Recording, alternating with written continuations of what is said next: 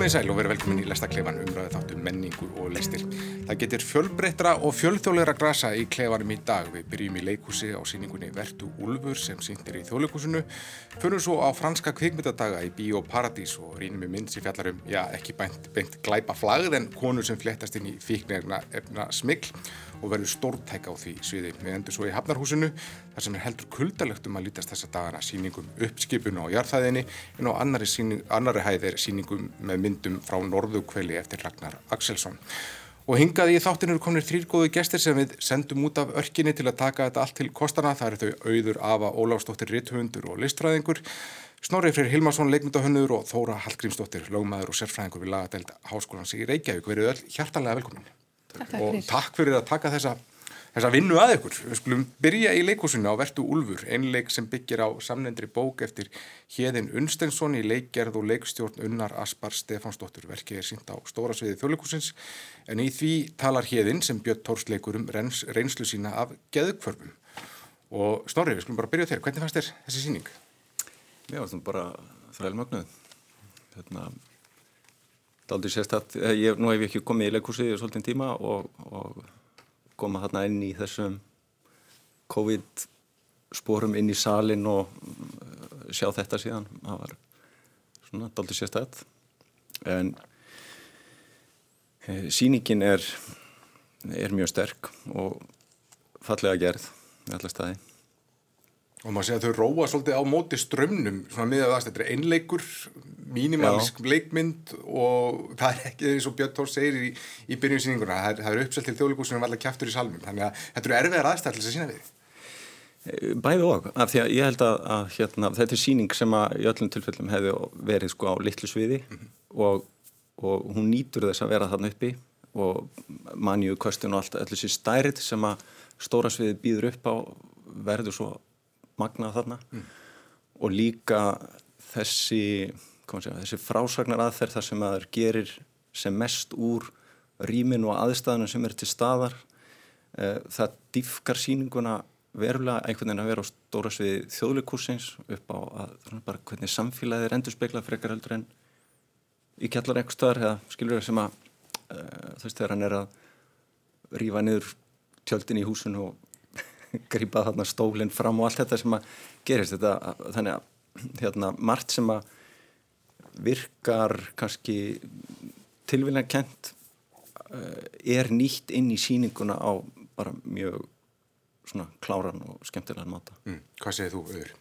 Já, ég er sammála snorra. Mér þetta mögnu síning og unnuraspún fer með okkur hann í ferðalagum sko mjög stórt litróf hérna mannlegra tilfinninga og sem við getum öll tengt við. Og það, ég meina, ef þetta hefði verið síning, uh, segsetning á segjum til dæmis manju, þá hefði þetta verið ofbúslega erfið síning, hún, er það alls ekki. Þá hefði við verið bara þá hefði verið þessi vekkur, þá hefði við verið í, í hlutverki bjargalus aðstandanda að, að hérna og upplifa ofbúslega þjáningu, en hún byggi brú yfir í yfir í bara mannlegar tilfinningar sem við getum öll uh, tengt við og maður heldur svona í upphafi svolítið að maður sé að fara inn í alltara síningu um, hérna Björn stendur í þarna leikus jakkafötum, leikus brúnum jakkafötum á uh, fyrir framantjaldið og, og við veitum ekki hvort þannig að þetta verði bara einleikur þar. Og ég var alveg sátt við það að hann myndi segja bara gaman vera með bytni 90 mínútur og hann er að segja okkur sögu. En svo verður þetta rosalega uh, mikið leikus og og mikið hérna mikið sko sjó. Og það sem að ég var svo hrifin af var þessi þessi eiginlega tenging eða speiklun milli kannski geðveiki og leikúsins og, og Björn náttúrulega hann er algjörlega brilljant í þessu, hann er bara svo fær og, og góður leikari og fer létt með það að, að fylla upp í stóra sviðið og ég var líka rosalega hrifin að leikmynd Elínar Hans sem að það sem að er þessi samsörun á milli uh, hugarástandspersonun á sviðinu og rýmisins. Fyrst í upphafi er það algjörlega bert og hann er sjálfur svo berskjaldadur og, og eitt gagvart heiminum og eitt gagvart sínum demónum og ég alveg trúði því að væri bara engin sviðsmenn, það væri engin að vinni í leikusun þetta mm. kvöld.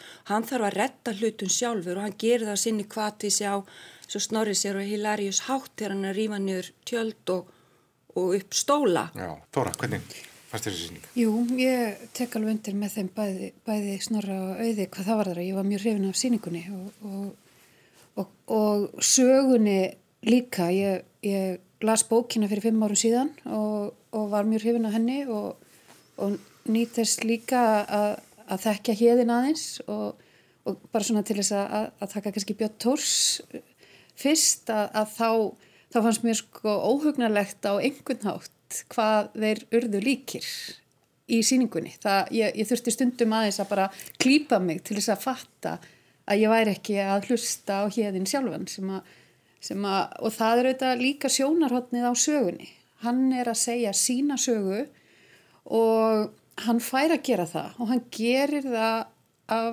alveg gríðarlegu örlæti og þá menn ég örlæti til okkar hinna sem að fáum að heyra hans lið á sögunni en líka auðvitað örlætið sem er hluti af sögunni. Það er að segja það að sína hvernig hans pólar liggja eða hvað hann er á, á, á svona milli þeirra póla sem eru á milli djúpa dalsins og, og mannjunar mm. og, og svona erindið sem að svo saga finnst mér eiga almennt ef, ef ég hugsa bara um söguna til okkar allra er það að við erum öll þarna einhverstaðar mm. og svo er eitthvað kerfi sem að einhvern veginn ákveður hvenar við erum komin of langt í aðra hvora áttina og leikúsið fannst mér svona sín okkur það með afgerandi hætti kannski eða, eða, byrtingamyndin í leikúsinu öfugt við bókina er, er það að maður, maður kemst ekki frá. Mm. maður er inn í salnum og ég kemst ekki frá því að bara takast á við það að, að, að bara það, þetta er að gerast á sviðinu. Manneskjan, þetta er að gerast ég fæ insýnin í hugarheim manneskunar og ég verða að kingja því að hún sé svona.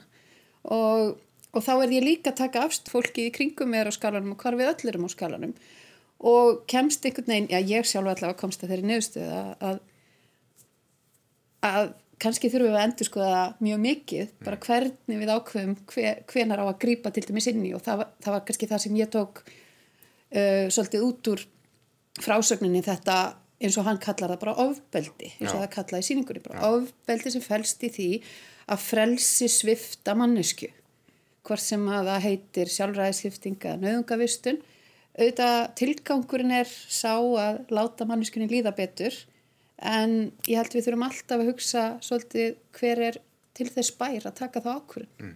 og sem betur fer er, er það ekki lengur þannig að það eru nánustu aðstendendur sem þurfa að gera það eins og var í hans tilfelli.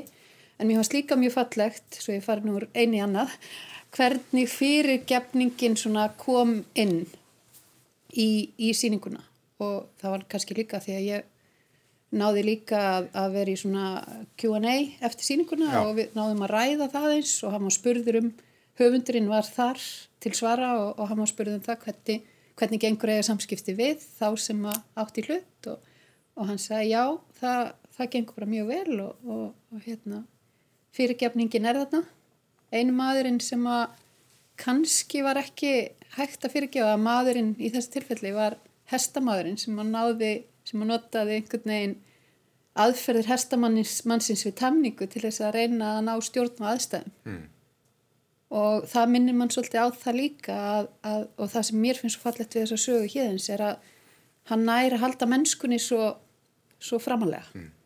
við gleymum því aldrei að það er manneskja að því að tilneying okkar er svolítið þegar við hugsaum um, kannski ekki, ja, nú er ég að tala almennt, en tilneyingin er svolítið almennt svo að hugsa um geðsugdama sem að fólk sé alltaf viti sínu fjæri að það er í man, manju og alltaf viti sínu fjæri að það er í djúbum dal, -hmm. þunglindis mm -hmm. og hafi enga, er, sé ekki lengur manneski heldur sé sjúkdómarinn mm sem er auðvitað ekki þannig.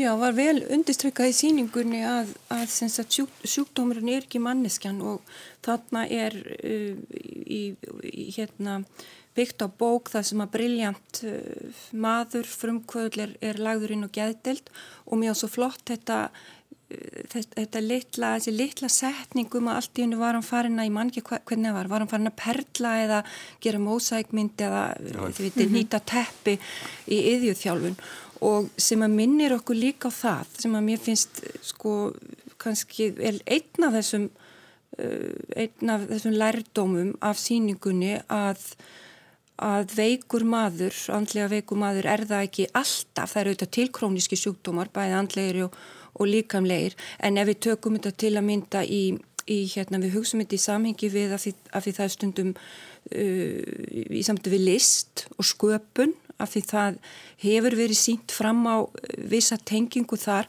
þá hef ég, ef ég má tala sem fyrirvændi listfræðingur, aldrei nokkuð tíman séð verk eða kynst listaverki sem að hefur eitthvað listrænt gildi sem er unnið af mjög veikri mannisku eða í manju e, frækt dæmi er, er um þegar að menn hugsa um, um listsköpun og gæðveiki fangok sem mhm. allir þekkja. Ekkit einasta af hans verkum er unnið af veiku manni. Þetta er allt, þegar hann var veikur þá var hann veikur, þá vann hann ekki. Mm. e, þvert á móti þá var listsköpun hans í rauninni akkeri hans jarðsamband, það var allt annað og ofsalega skýr sín á það sem hann var að gera. Og e, hérna litanæm og fornæmni og allt það en og samaskapi þá er það ekki veikur maður, hérðin er, er ekki veikur þegar hann skrifar þessa bók, ekki frekar en Elisabeth Jökulstóttir í, í sinni í, hérna flottu velunabók, Ablisólakuldi að uh, hún hefði aldrei geta líst manju nema að vera í mjög góðu jafnvægi sjálf. Akkurat. En hann er mitt kemurinn á þetta í, í síningunum og hefur sagt aður að, að þótt hann sé með kvef þá er hann ekki kvef og, og segir að þetta séu kannski 2% af æfið hans sem hann hefur verið veikur og það er ekki skilgjörnum en það er einhvers svona þversögn í þessu líka. Ef þú allar að við höfum svo mikið áhuga á dramanu og dramað eru þetta í veikindunum, í manjunni það sem svo margt gerist og fer út fyrir mörkinu og, og þess að það er þannig að það er kannski erfitt einhvern veginn að, að slíta það frá sér ef maður vill á annan borð ef þú vilt segja söguðina og einmitt reyna þá kannski að rekja eða svona eða fordómum að þá eru alltaf þetta er alltaf það sem við viljum sjá einhvern veginn. Mm -hmm. Þetta er, harm, þetta er harmleikur. en mjög fyndin en samt er ekki verið að gera grín að gæðsjúkdómi og þetta svona köplum bara myndi svona svolítið á einhvern Shakespeareíska leik Það er trakið þegar frelsisveitingin á sér stað, það er það er í rauninni tragist af því að hann líka dreifur alveg upp mynda því uh, spór hinna eru þung veist, mm -hmm. það, það er ekki léttvægt og þetta er allt gert með, með mjög svona fínum en sterkum uh, hérna, myndum mm -hmm. maður hefur mikla samum með förnum og, og skilur hans, hans þjáningu mm -hmm. en líka bara myndmáli á sviðinu sko, eins og bara hvernig vídeo og tónlistin og allt er notað, það er það er alltaf einhvern veginn alveg á réttum stað og á réttum stað í ferðalæginu og hvernig það kemur síninguna áfram og kemur líka áhrundum inn í það inn í þetta ferðalag mm.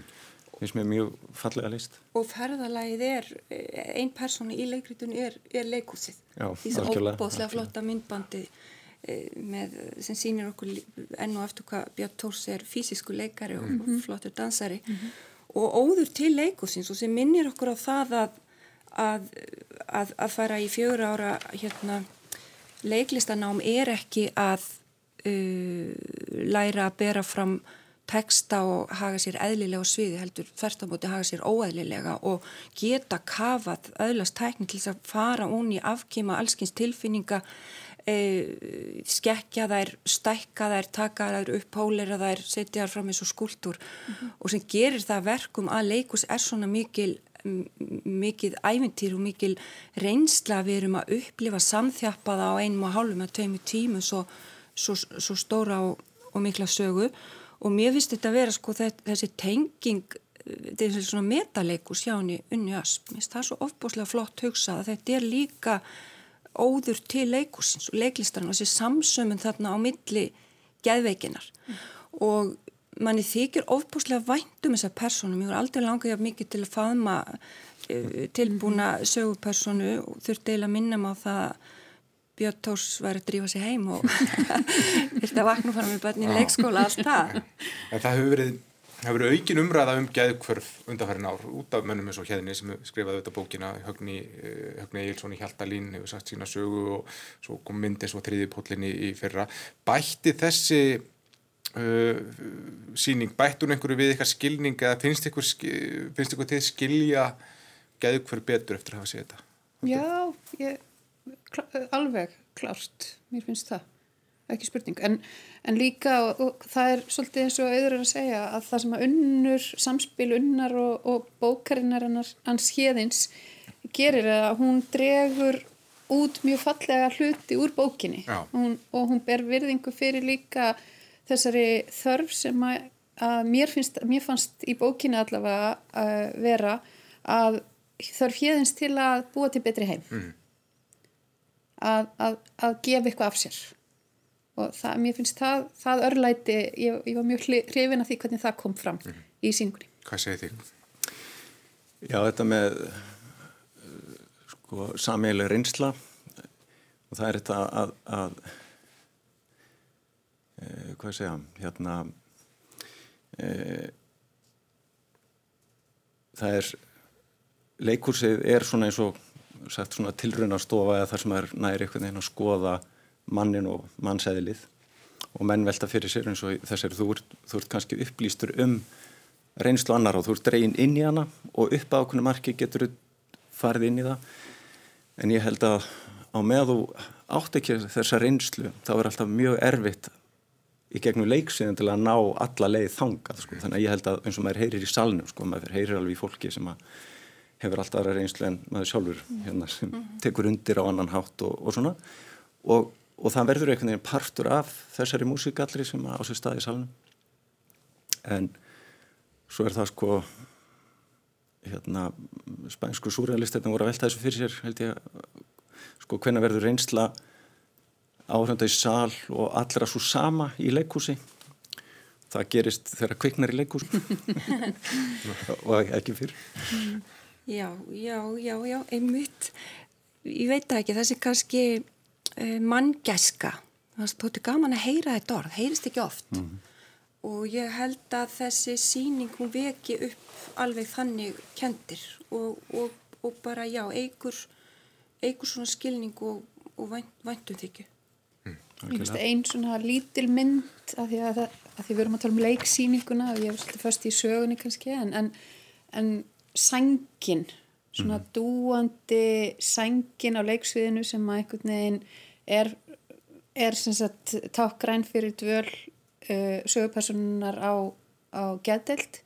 Ég hugsa ef ég stend einhvern tíma fram með fyrir því að þurfa að taka liv uh, við, við, við einhverjum af mínum, eða einhverju uh, sem að lítir að gæðranum enginum að þá sjáu ég þessa mynd fyrir mér. Mm. Mér fannst hún svo lýsandi bæði um einhvern veginn dvöl en líka bara um dofan sem að fylgir, sem fylgir þessu ástandi, mm vera lokaður inni og eina úrræðið á geðdildinni er í rauninni að nánast eina, eina úrræðið er að gefa þér lif mm -hmm. Heilbriðiskerfið eins og, eins og höfund, höfundur verksins hefur, hefur oft talað um sko. er þetta heilbriðiskerfi? Ég hef heirt þess að mitt velt upp sko að hérna, við sjáum sko grimma grimmu gæðlækninar voru þegar fólk var bundið nýri í rúmin og, og kepla niður og það er eitthvað sem að lifin hefur hafa leist á hólmi og svo kemur spurningin er, eru lifin fyrir okkur þannig að við þurfum ekki að horfa upp á mm -hmm. hitt fyrir bærið mm. af því að í, í leiðin er, er, getur verið að fólk sé meira lifandi og í hættulega ástandinu mm -hmm. hérna að samanskapu held ég að sé bara, það sé bara ó skiljanlega mikil þjáning sem að aðstandandi stendur fram með fyrir. Mm -hmm.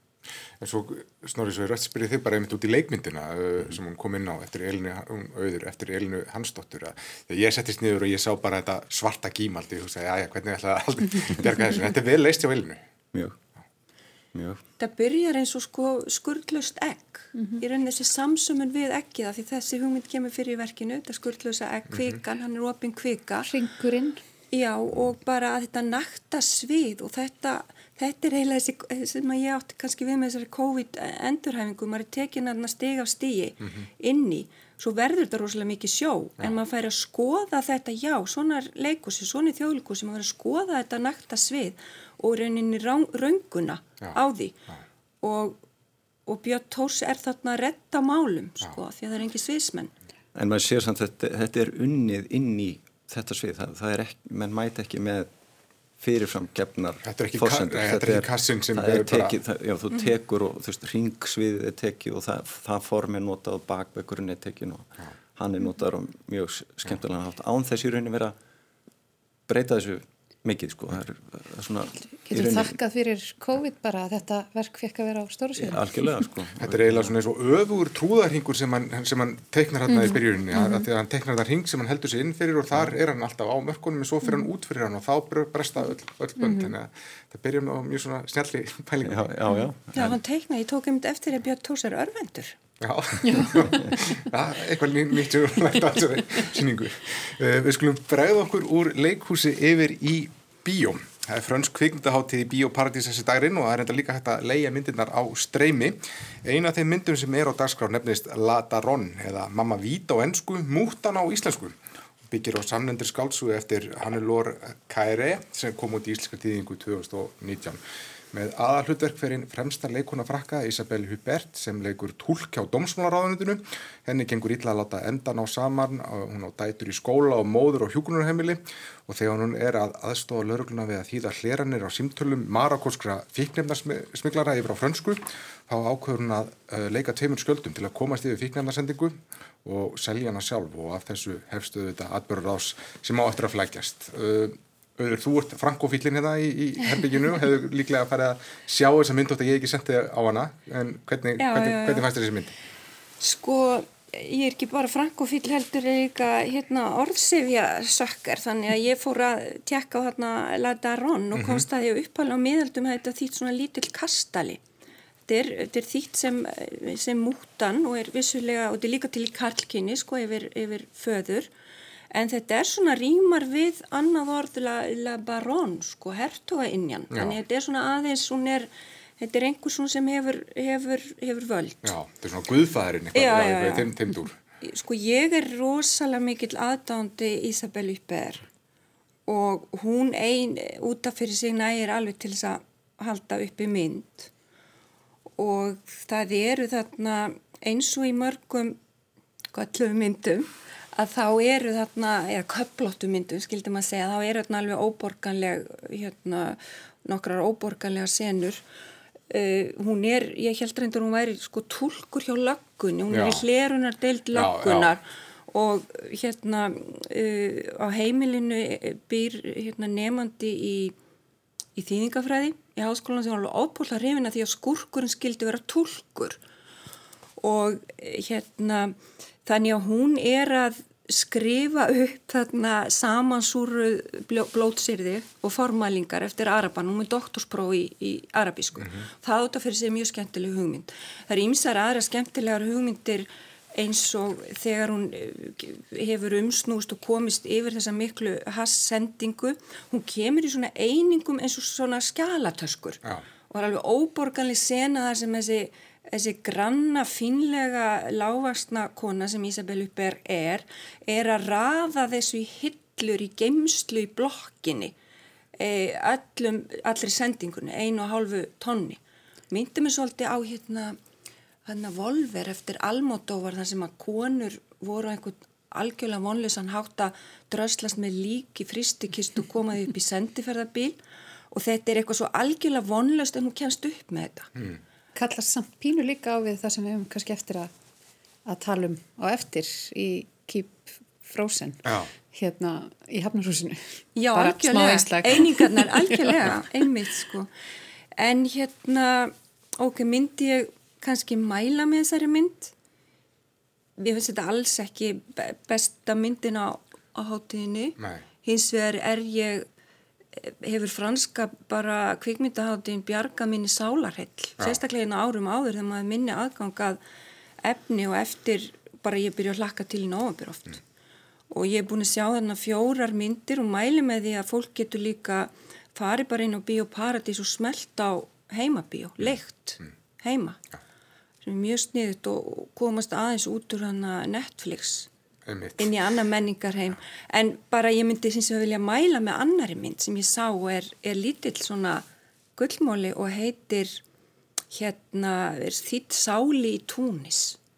Og ég vissi ekkert um þessa mynd þegar ég fór, horfið á hana Andivana Tunis heitir hún. Og er um hérna sálfræðing sem að hérna misnóta aðstöðu mín að tala um annað verk. Hún eh, er, er doktor í sálfræði eh, og, og, og snýr aftur til Túnis mm. eftir döl og, og námi í, í París og þetta er svona mósæk mynd ef fólk vil ferðast í huganum til Túnis þá er þetta akkurat myndin og þetta er algjör svona þetta er bara gleði gjafi þessi flott mynd. Ég vissi ekki um hana, ég vissi ekkert hverja gert hana þegar ég var komið svona aðeins áleiðis inn í hana hugsaði með mér, það er svo mikið af svona flottum, frumlegum smáadröfum það lítur að vera kvenleikstjóri. Og það reyndist rétt. Manel Labidi heitur hún ung, Já. ung stúlka. Fólk ætti kannski að, ætti endilega að kynna sér hana en svo snúðum okkur aftur af mútunni þóra, það er, þetta er býstna sko áreinslulegst hjá mútunni, það er að segja kærastinn er, er, er að vinna hjá löggunni og rannsaka málið. Móðir aðalpursins í fíkni, hjá fíknunarsmiklunum hún, hún er að annast móðurinnar og kynverska nágrannakonan er ekki öll það sem hún sé það er mikið af svona litlum guðum í velinni getur við satt sem látið allt ganga. Mm -hmm. svona upp. Ég er alveg samanlega auði. Ég, mér er alveg sama hvaða hvaða mynd Ísabel Hupper leikur í, ég, mér finnst það allar goðar í þeim skilningi, af því að mér, ég, mér finnst hún frábær. En, en já, það eru svona það eru svona mér fannst hún svona sumt í atbyrður á sinni var svona aðeins of gott til að vera satt. Mm -hmm. mér eins og að mjög fyndi bara svona einhver gömul ég segi gömul klesja sem að lítir að því að allir kallmennir voru alveg pínu kannski svona vittlausir Mm. Veist, hún er í ástarsambandi við, við lörglustjóran en á sama tíma einhvern veginn að, að, hérna, að platan með því að vera sjálf að, aðal, í aðalhutverki atbyrður á sem hann er að rannsaka hérna, hvað héttu þeir Scotch og Coco Puff já, hérna dílarinnar ennar sem að voru einhvern veginn eins og eins og pínu teiknumynda að grínfígurur sem að er pínu það sem að líka mér finnst skemmtilegt við franskar bíómyndir það gef, það gef okkur frá bandaríska eða enska umhverfunu eða breytlands umhverfunu einhvern veginn bara allt annan húmor og allt aðra sína á, á, og ég held kannski að þetta yrði meiri svona típisk fransk gamamind mm -hmm. þar sem að væri svona eitthvað einhverjar meira absúrt aðstæður ja. um, absúrt frá mínum sjónarhólu en, en en hún svona náði kannski ekki alveg flugi, hún var kvorki spennja niður grín. En það voru svona ég tek undir með auði það, það, er, það er svona óborganlega senur sem að eins og, eins og fannst mér uh, þegar hún er að eiga samskipti til dæmis við, við dílarina sína sko, að, að fyrir fram að fangelsi það var líka óborgarlega fullur í aðal fangelsi því það var síðusti staðinu sem hún vissi að lögga myndi Akkurat. vera með hlérunum búna Snorri, hvernig fannst þér? Bara, ég hafði gaman að henni sko, en hérna það, svo líka einhvern veginn er þetta mynd held ég sem er dáltið sett utanum þess ágætu leikonu mm. og hún komi vel út alveg hverjum einastar á hallarlegi gegn sko. og uh, en svo náttúrulega til að búa til spennu í svona myndum þá náttúrulega mega hlutinir ekki voru röggréttir og bara alls ekki og þannig að þú veist uh, tengslinn við veruleikan er svona bara eins og vestri á við þú veist kapu og indjánar þannig að það er ekki þetta er svona bara sjálfstætt fyrirbæri og maður getur velt fyrir sér allir allir innflýtjundur eru glæpamenn þó maður getur haft samú með þeim. Það er svona, það, myndin er svona einhvern veginn að reyna að tróði þau hólf í einu En sko. þú myndir aldrei sjá svona til dæmis í, í, í breskri e, svona glæpa serju þeir eru svo politíkali korrekt mm. þeir, ef það er pa, hérna einhverja mm. pakistanskum eða indverskum uppruna þá getur alveg bóka það þeir eru ekki, þeir vondu eða minni hluta hópar en það var svolítið, það hvað við aðeins annan tón þarna, mm. þótt að væri vísu, vísulega svona ákveðin samúð og samkend með þessum, þessum strákum hana, svolítið svolítið þunnum sko eins og Þóra segir en hérna e, en svo er það kýmverjafni, svo er það kýmverska hagkerfið í. París og það var bara peningaþvætti og þeir áttu alla blokkina sem að, sem að hún bjó í, þessi, þessi kona sko. Það kom bara næstu svo framhjálpandi í lokin sko. Mér, mér fannst það einmitt aldrei almennilega klárað og var svona einhvern veginn alltaf svolítið að leita bara að byrja hvað er leikstjórun að segja okkur Hva, hvað er í raun verið að segja okkur hérna en svo það- kannski það þarf um það leið- ekki alltaf. Að því að sko á, á sama tíma hún reynir að vera sko sympatísk er hún líka að, að spila inn á fordóma þú veist í því hvernig við skiljum stereotýpur og, og þetta allt saman. En svo er uh, mér líka bent á að veist þetta er uh, ennsk mynd Sophie's Choice sem er 20 ára gömul er í rauninni Hassala miðaldra kona veist það er þetta er svona franska útgáðan af henni þannig að sko en, en uh, sko ég uh, bjó einhvern tíman í miðju hverfi í Birmingham uh, þar sem að Hassala var mikil og þetta er ekki svona saklaust, þetta er svona mjög svona snirtilega tekið á þessu sko og uh, löggan, um það leiti sem ég er að fleiti úr þessu hverfi sko, þá er löggan að byrja að hreinsa þarna upp og það eru bara alveg hræðilegi hlutir sem er verið að taka þarna út úr húsum sem ég ætla ekki að fara að telja upp hérna sko en, en bara uh, sérsveitin og mannsalið sem var að koma út úr því sem að tengist þessu þetta er aldrei bara þetta þegar þessir skipulöðu hópar eru. Þetta, hann er þetta allt sett í svona snirtilegt og mjög róm, romantíst samhengin á það sko en þetta er bara eitthvað allt annað. það sem myndin gerði allavega að mér langar til að lesa bókina Já. sem er alltaf jákvæð. Kom út í þýningu Hrafnildar Guðmundsdóttur 2019 við skulum fara þá um, það er það sem sé hægt að horfa á Ladoran á frönsku kvimdaháttinni Bíó Paradís en við skulum fara úr bíó yfir í myndlist Listasafn Reykjavíkur hefur opnað þrjár síningar í Hafnarhúsinu með stöttu millibilis og fyrsta er í A-sal á jarðhæðinni og nefnist Verk Labor Move eftir Huldur og Skuðnadóttur. Salurinn hefur verið fylltur uh, af kössum undan frosnum, friski, frosnum fiski og fyrir miðju er þryggjarása myndbandsverk sem sýnir löndunamenn við uppskipun á einmitt svona kössum. Og sýningin er partur af seríunni Keep Frozen sem Hulda hefur verið að vinna að í rúmlega áratug og hefur getið af sér sýningar, bækur og eina heimildamind og í þessari seríu er hún að rannsaka fagurfræði hafna og hún hefur uh, komist að þeirri niðurstöðu að, að kjartinni þeirri fagurfræði er vinnan, erfiðisvinnan og, og er einhverjum að fjalla um það í verku, verkum sínum og þessi síning byggir á annari síningu fyrir nokkrum árum þar sem hún fekk reikvíska löndunumenn til að koma til Leipzig uppskipa þar farmi í tvo sólarhinga eins og, eins og fyrir opnum tjöldum eins og þau væri að gera í fristi tóra og það er þessi vídeoverki sem við sjáum á, á þessari síningu. Hvernig, hvernig fannst ykkur þetta verk, Þóra? Já, verandi úr sjáarplássi þar sem höfnin uh, var svona nokkuð stórt atriði í mínu uppvexti þá, þá teng, tengdi ég við þetta strax. Ég var bara komin allt í einu í rækjuvinslarna 16 ára að, að guppa í fötu við hliðin á færibandinum í rækjuvinslinni að því að ég held einhvern veginn ekki fókus á fyrstu vaktinu minni. Í þeim skilningi að þá fannst mér þetta svona ég fór strax þangað, ég fór einhvern veginn í einhverja rætur, einhver, einhver, einhver svona, einhvern grunn sem að, sem að ég á kannski sameigilegan með íslensku þjóðin eða einhverju leiti, hvað þetta var þar að við höfum auðvitað haft okkar tekjur mjög mikið af sjáarútvegi gegnum tíðina. Og mér fannst hún hulda Rós gera þetta skemmtilega, mér fannst þetta bæði á einhverju leiti mér fannst þetta svolítið humorist mm svona, og, og þessi svona að koma inn í rými þar sem að kassarnir eru svona óbásla margir og þú þarft einhvern veginn að bara horfast í auðvið það, þú þarft að taka einn í einu. Þú getur ekki tekið á alla þú verður að vinna einhverja grunnvinnu áður en þú líkur verkinu. Og, og það, mér finnst það svona verandi manneski sem að vinnur mjög mikið með hausnum á sér, Já. ekki með líkamannum og mér finnst það svona bara mjög hressandi bara svo svona samlíking sem Já. hægt var að nota þarna Já, þetta er svo, það myndi mig á það, ég fegst nú eitthvað uppskipin þegar rúlingur mitt vestur á fjörðum, sko, en, en þetta, svo, svo áþrjáðanlegt þarna hvað þetta er frumstæð vinna, ég heyrði einhvern tíman, það sagt í hálfkerringi að við bláendan og allir nýri tækni stendur maður með skóplu, en þetta er ekki einu svona skópla, þetta er bara rátt handafl.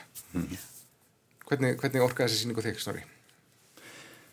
Jú, ég, sem sé, kem svona daldi kaldur að þessu og, og svona e, les mér aðeins til þarna árum að stífur inn í salun og kannski hefði átt að sleppa því, ég veit ekki en, en um, sko það sem sló mig var bara fyrsta sem ég sé er að kassarnir eru tómir og, og ég saknaði þess að það var ekki massið þarna og það var ekki frostatninni og, og þannig að mér fannst þetta að vera svona snirtilegt og, og daldið uppsett þannig að, að þannig að sko ég saknaði þess að það væri ekki massi í þessu öll saman.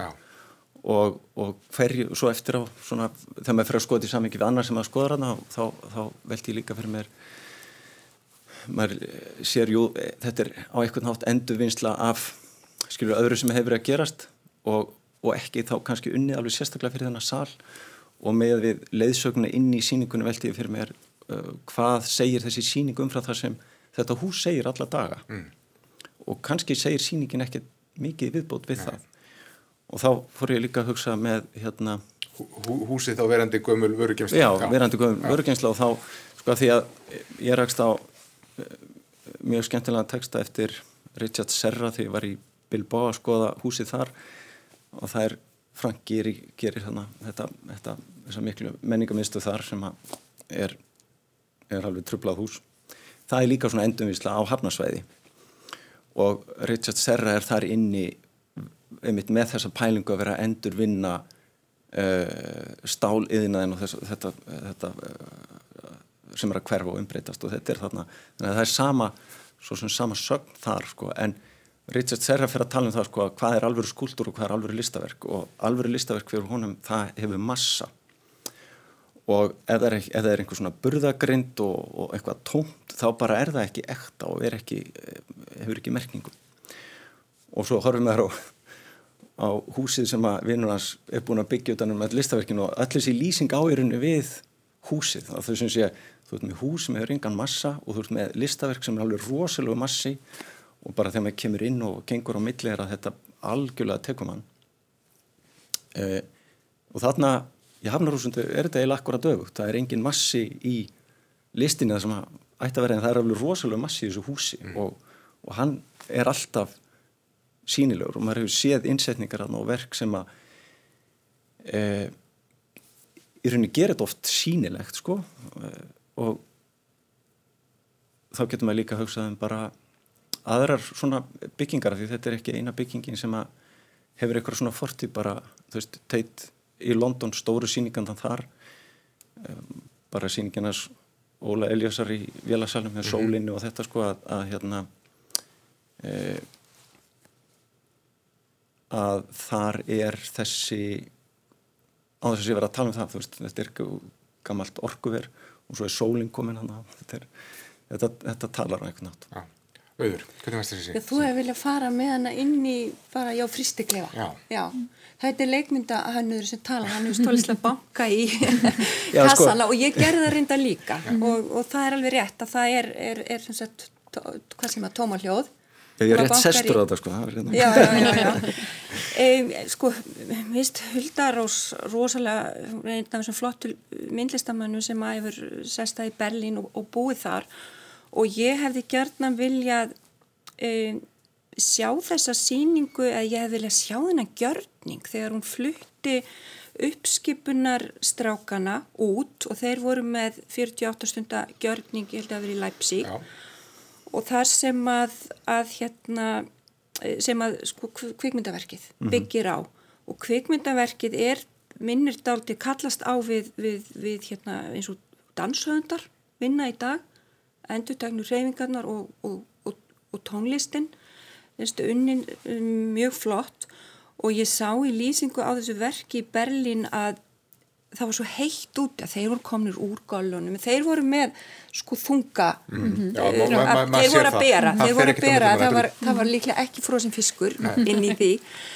Um, og hérna og síðan voru þeir já konir úr vinnugálunum uppskipunagálunum og endan voru þessir fínu frumsýningar gestur, ég sé þetta alveg fyrir mér þíska elitan með kvítvinsglösin þannig svart klætt komin í það að hjálpa mm -hmm. til við verkið og um, en hérna verkið, já, svo, svo er það komið hérna, hérna heim og, og sko ég get að sumuleiti verið, ég get alveg verið sammála því að þessi markvöldun á kössonum, hún verðist kannski ekki hafa endilega merkingu per se allt í einu en, en vera til þess að passa inn í þetta mm -hmm. stóra, stóra rýmið hana, hana stóra uh, hérna sal. En mér fannst eins og rosa skemmtilegt þegar maður les á kassan, það er sem frosinn íslensku fiskur en svo stendur neðar fyrir neðan Huldarós Guðnardóttir og meitin litáin, þá er það kassarnir. Já. Mm -hmm. Það er mjög svona, skemmtilegur um, hérna kannski hef, svarar það þessar spurningu að þetta, þetta var, það var ekki frúsin fiskur í þeim, það var, það var eitthvað annað. Já, en svo veldi ég líka fyrir mér þessu að því að svona eftir á, þú veist, hvernig er verið að sína á hverjum, veist, verkefnir þeir eru settir aðna og, og þessi umbreyting á höfninni, þú veist, er þetta vinnan sem er að hverfa og, og þessir menna að hverfa eða er þetta eitthvað hátt, sko, helgimynd þeirra, sko, mm. að því þetta eru þrýr flekar ja. og þetta er stilt upp dáltið svona allegórist og, og meðjörsett eins og helgimynd, þannig að er það þá til þess að fólk sem að yfirleitt sér ekki vinnandi menn sko getur komið að sjá svoleiðis fyrirbæri eða þú veist, hver, hvernig er það? Mm. Hún talar svolítið um það að bara í, í, í Sovjetríkjónum þar var verkamæðurinn upphafinn sko en, en á, Vesturlöndunum þá var það stjórnandin, það var það mm. fórstjórnarnir sem eru, eru heitjunar. Mm. En við skulum fara upp um eina hæð uh, í Hafnarhúsinu því þar tekur við önnursýning og þótt að hún sé sjálfstæð og allt öðruvísi er kannski innra rým á milli hennar og huldurósar. Við förum úr, úr fristikleifanum, Keep Frozen, yfir í á síninguna þar sem heimurum bráðunar eftir Ragnar Axelsson, Rags í síningastjórn Einars Geirs Yngvarssonar hún samastendur af ljósmyndum af fólki, dýrum og landslægi sem Rags hefur tekið á undarförnum áratugum á norður kveli jarðar, einhverjum Grænlandi en líka hérna á, á Íslandi. Snorri, hvernig þetta er margar, já, maður, maður þekkir þetta hundaverk. Já, já, þetta er uh, sko Mér finnst þann vera mikill snillingur í þessu sko að því að, að, því að það er hokkið þannig sama knýrun sko en, en e, mér finnst bara eins og þessar jöklamyndir hans og, og, og þetta að hann hafi haldið því til streyt og alla þennan tíma að taka alltaf svart hvít mm -hmm. og þetta verður svo heilsteift höfundaverk einhvern veginn og e, í hvers getur sem ég skoða þessa myndir hans þá, þá sér maður eitthvað annað og meira í því. Þannig að, þannig að það er uh, svona mikið og svona lagskipt innihaldarna eh, teikningar eða eh, teikningar hérna jöklamyndinar eru sem að hverja bara eins og abstrakt teikningar í í indvesku blekki sko. Hérna eh, svart og hvít sko. Þannig að og svo er mitt eh, rýmar að þegar maður er komin hann inn í þennan salafjörn og já er, hér, er, hér er heimurinn á bráðna. Og ég er nýkomin út úr fristikemslu þar sem er 20 stöði hitti og kannski eru kassarnir tómir að því að hérna, hvað ætlum að halda þessu lengi til streytu sko. mm -hmm. það er aðtapni mannana sem eru mitt að, að, hérna. að er að knýja áfram hlínuna mm -hmm. Þóra, hvernig fannst þér þessi síning? Já, það er kannski eitthvað einra rým á milli að því við, við svo sem töluðum ekkert um það áðan að, að verstu úlfur heitir verstu úlfur að því að, að því úlfurinn er, er, er svona hugar ástandið og þarna er, er Rax að vinna mjög mikið með hunda mm -hmm. og, og grannlensku sleðahundana og svona þeirra hlutverki í, í heimi sem að er að brána og mér, mér fannst það mjög mér fannst þær myndir mjög fallar mér, mér fannst kannski síningin hefði geta verið borin uppi með bara grannlandsmyndunum Já. og ég veldi aðeins fyrir mér þessu svona samspili og millis og myndana sem að eru aðeins öðruvísi frá íslensku myndana ef ég get orðað þannig. Já, akkurat, ja. og, og þær sem eru indislega hillandi og frábærar því að þær hver og einn finnst mér segja svo stóra sögu og svo mikla sögu.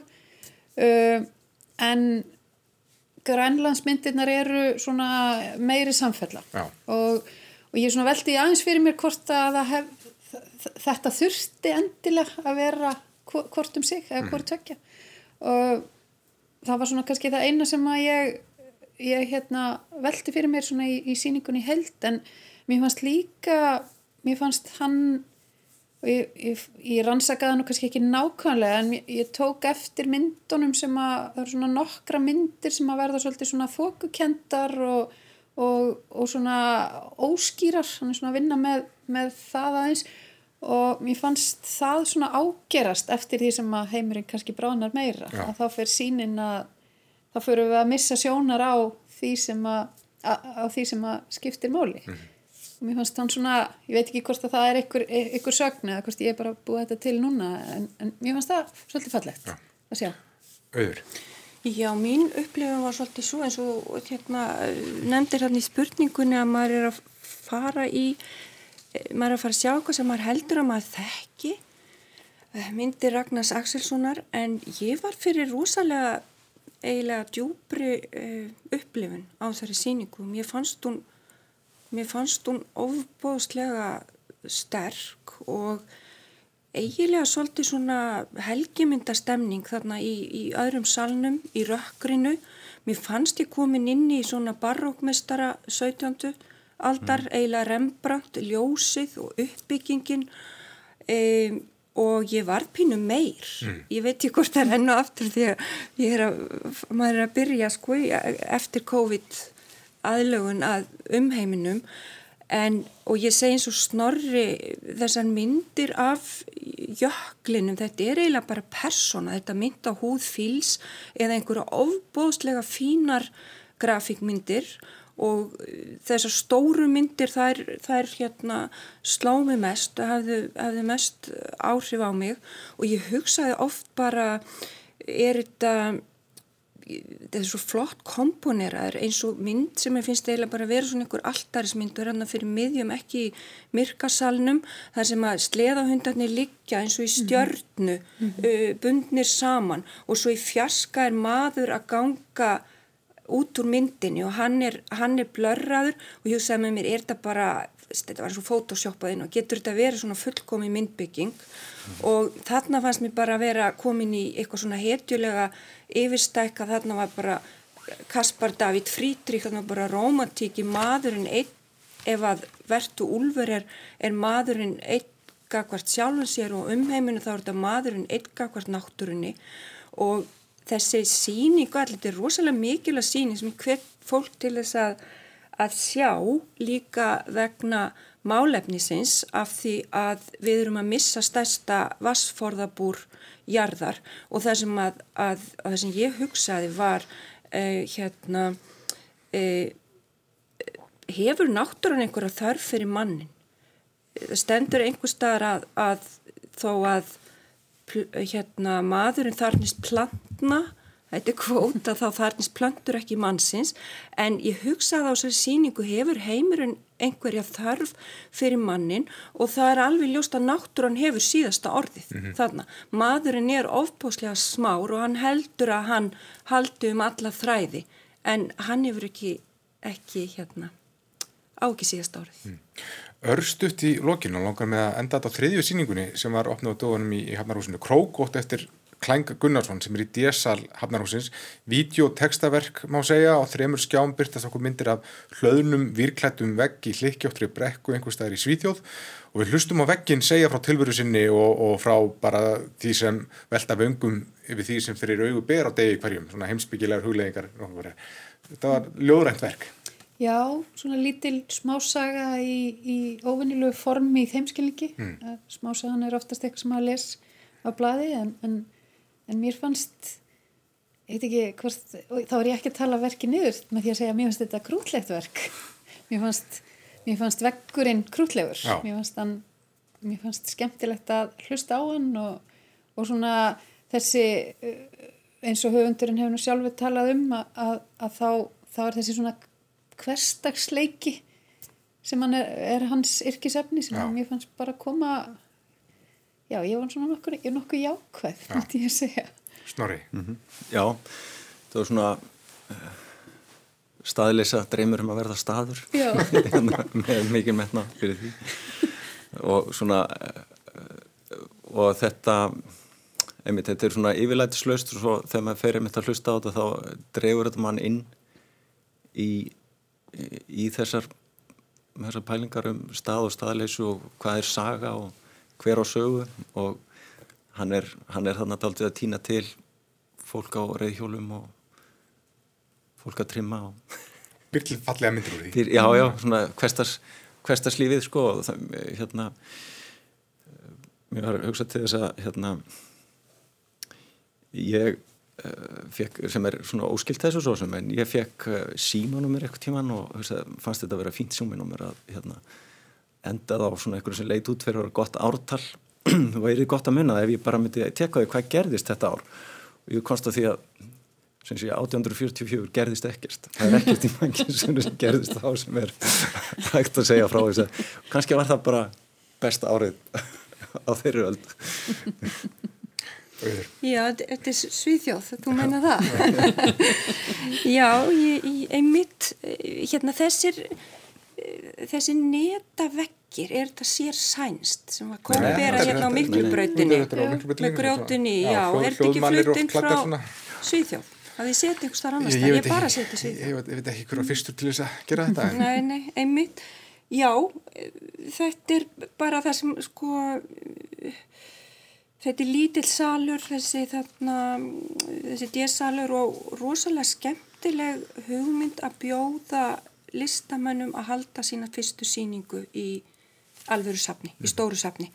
Og uh, það kannski uh, hérna uh, hefur hún aðeins skoldi fyrir það að ég var of mikið sokki niður í, í, í barrakkið og, og romantíkina hjá, hjá, hjá Rax sko, fyrir kom, kom þarna upp á yfirborðið. En það er virkilega hvert fólk til að sjá allar farjásöfnin núna. Mm -hmm. Sjá allar þessar síningar Svo fallegu skurður þetta fyrir saman Hafnarhúsið en þetta er svolítið eins og að vera komin til Feneiga En uh, við skulum segja þetta gott í dag. Kæra þakki fyrir komuna Þóra Hallgrímsdóttir, Snorri Freyr Hilmarsson og auður Ava Ólarsdóttir og hafa það gott í velkjum